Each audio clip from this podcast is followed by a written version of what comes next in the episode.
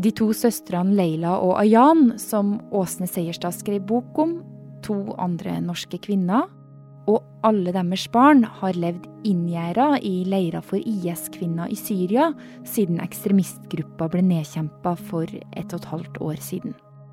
I Forklart i går så fant kollega Efshin Ismaili den nå 23 år gamle Leila i en leir som heter Rouge, nord i landet. Mens storesøstera hennes og ei anna norsk kvinne sannsynligvis er i leiren Al-Hol. En flyktningleir som blir beskrevet som ei tikkende bombe. Du hører på Forklart fra Aftenposten. Jeg heter Marit Eriksdatter Gjelland, og i dag er det onsdag 2. desember.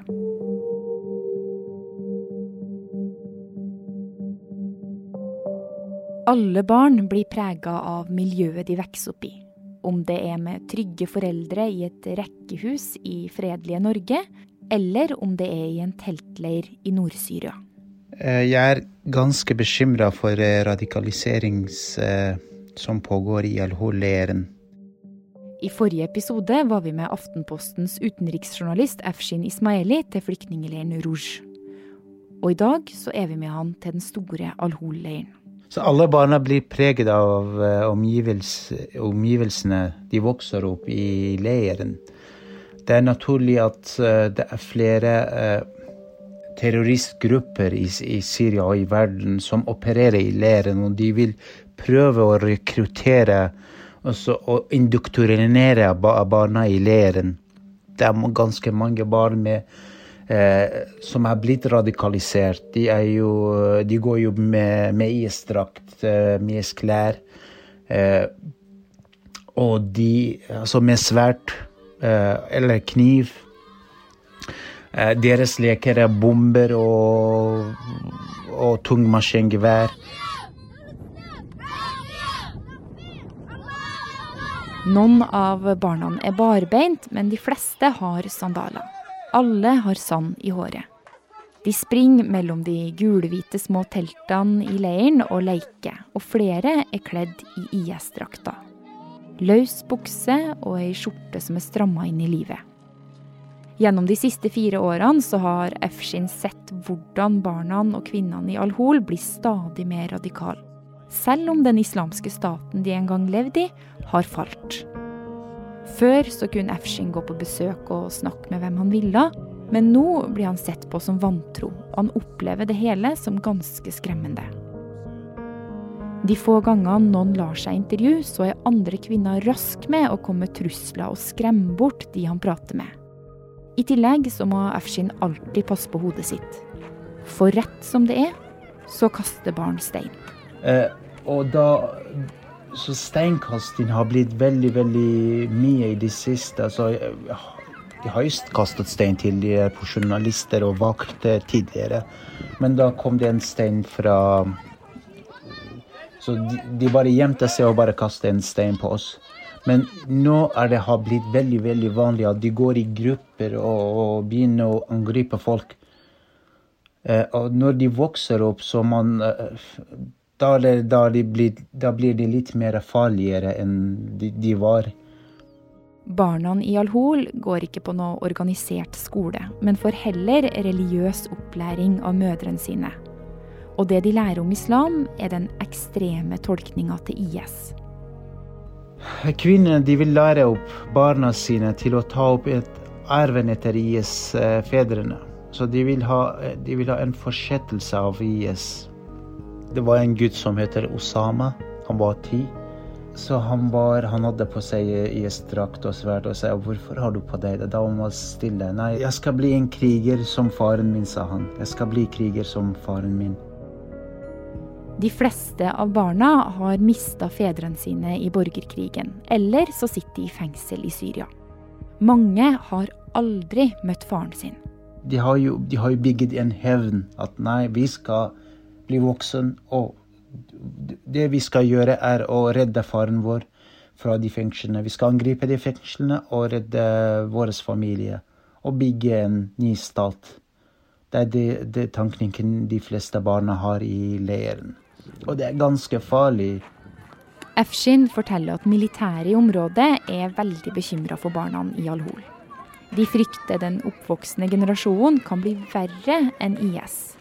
For i leiren så lærer de ikke bare den ekstreme ideologien, de lærer også å skyte med våpen. Det kan være ganske farlige konsekvenser, ikke bare for Syria, men det er for hele verden. Og vi snakker jo med en stor mengde altså, altså, Al-Hol-leiren er 65 000 nå, og 60% er barn. Det er mer enn uh, ca. 40 000 uh, barn med en slik indoktrinering. Det er jo en, det er nesten en hære.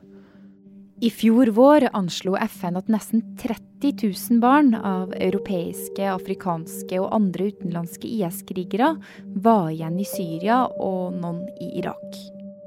Til nå har Norge henta ut fem foreldreløse barn og ei kvinne med ett sykt barn og et søsken. Noe som førte til at Fremskrittspartiet gikk ut av regjering for snart ett år siden. Vi har hele tiden vært villig til å hente hjem uskyldige barn. Men vi kompromisser ikke med folk som frivillig har sluttet seg til eh, terrororganisasjoner. Etter det her så er fortsatt fire norske kvinner og deres barn igjen i Syria. Noen har sagt at de vil hjem, men frykter at de blir fratatt barna om de kommer. Andre vil bli. Som tusenvis av andre kvinner og barn som har levd under IS, befinner de seg i en slags politisk limbo. For de som styrer leirene, ber hjemlandene i Europa og Asia hente dem. Men det er det få som gjør. Ingen vet nøyaktig hvem eller hvor mange som er i Al-Hol nå. Og det er ikke bare et problem for de kurdiske myndighetene som driver leirene i Syria.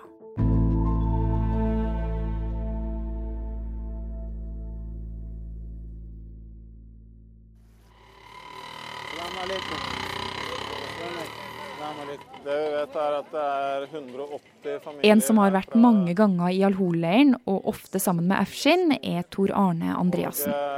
De er fra Russland, de er fra Frankrike, de er fra Belgia, de er fra Tyskland.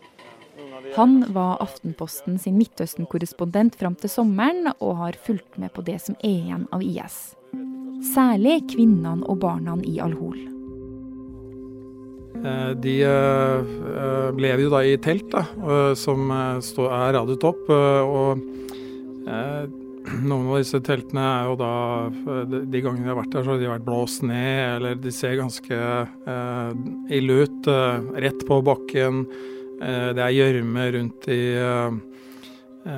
disse slags veiene som er mellom teltene der. og der uh, har de nå holdt til i ett og et halvt år, og uh, det er lite som tyder på at uh, de kommer til å bli hentet derfra i løpet av kort tid, i hvert fall. Det kan se ut som at det kan ta lang tid før man finner ut hva man skal gjøre med alle disse tusen menneskene. Du Tor Arne, Efshin han var jo der eh, nå i høst, og da opplevde han at eh, han og en annen journalist at barn kasta stein på dem.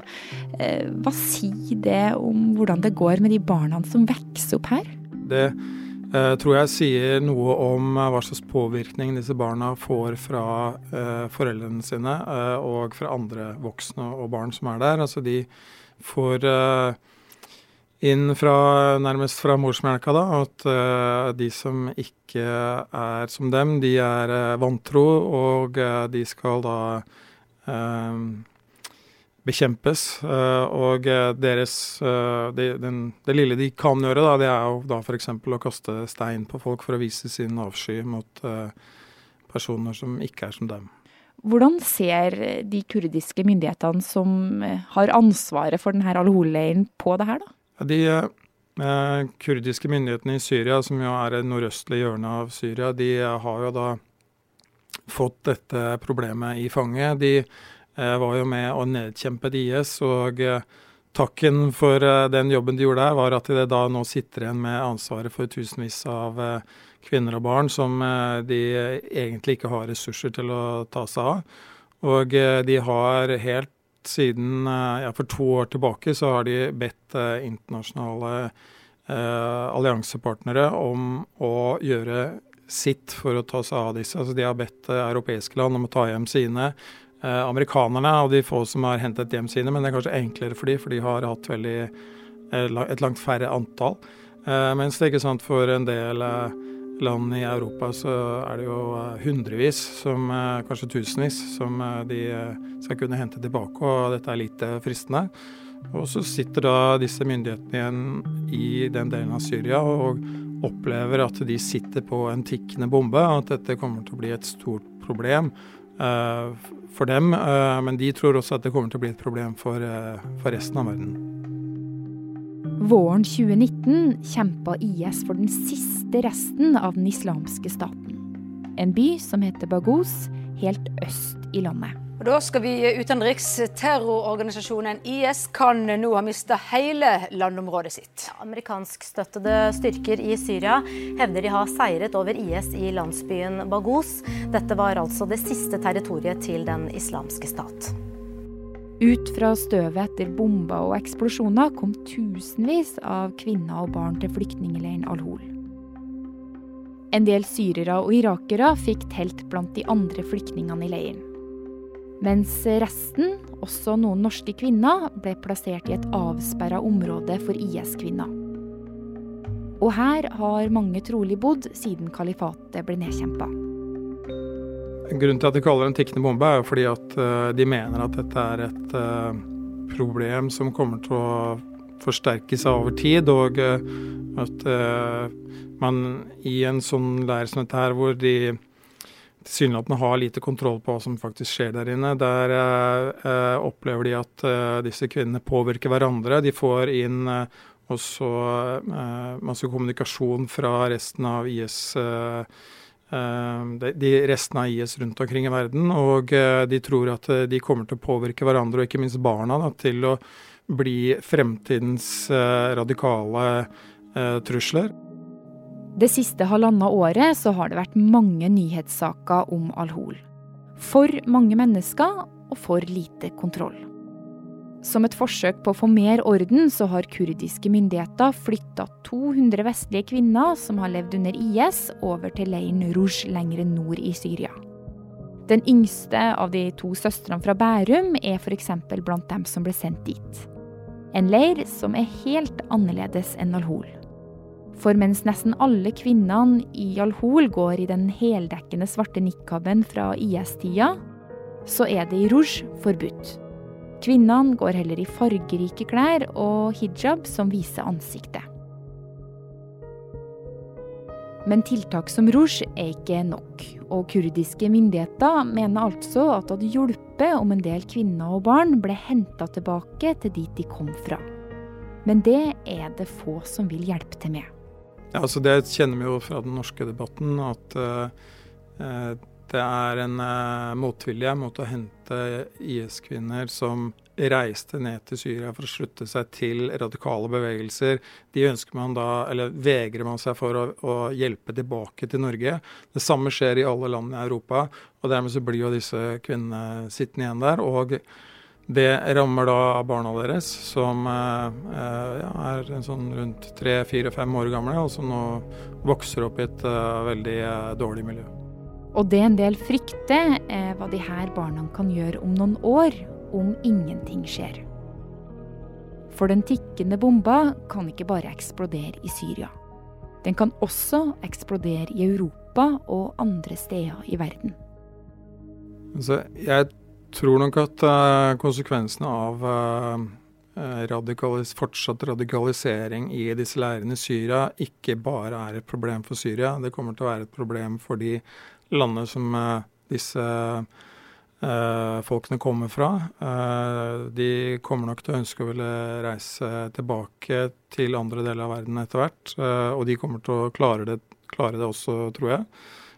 så Absolutt. Eh, de, um, I den grad de eh, ut, vil utgjøre et sikkerhetsproblem, så vil ikke det bare være for Syria, det vil være for resten av verden. Nå vil man jo forhåpentlig kanskje oppleve at noen av de vil bare eh, ikke utgjøre, utgjøre voldelige, utføre voldelige handlinger. At de eh, altså Tross alt er det vel et, et mindretall som gjør det. men Eh, når man har en så stor masse med mennesker, så eh, vil det kanskje være da mange nok som vil komme ut derfra, som en, utgjør en, en sikkerhetsrisiko. Det er, eh, det er ganske bekymring. jeg tror det er siden 2019, eh, så mars 2019 350 barn døde i leiren. Det kan også påvirke denne radikaliseringen som pågår i leiren. At de fleste kvinner er De har ikke noe igjen. Det er eneste er enten Gud og tro på Gud. Det er det som er igjen for de kvinnene.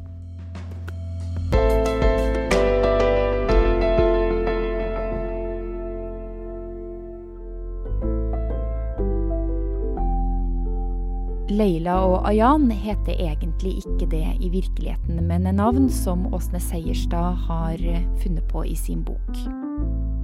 Forklart lages av Caroline Fossland, Fride Næss Nonstad, David Vekoni, Anne Lindholm og meg, Marit Eriksdatter Gjelland. Du har hørt lyd fra VG og NRK.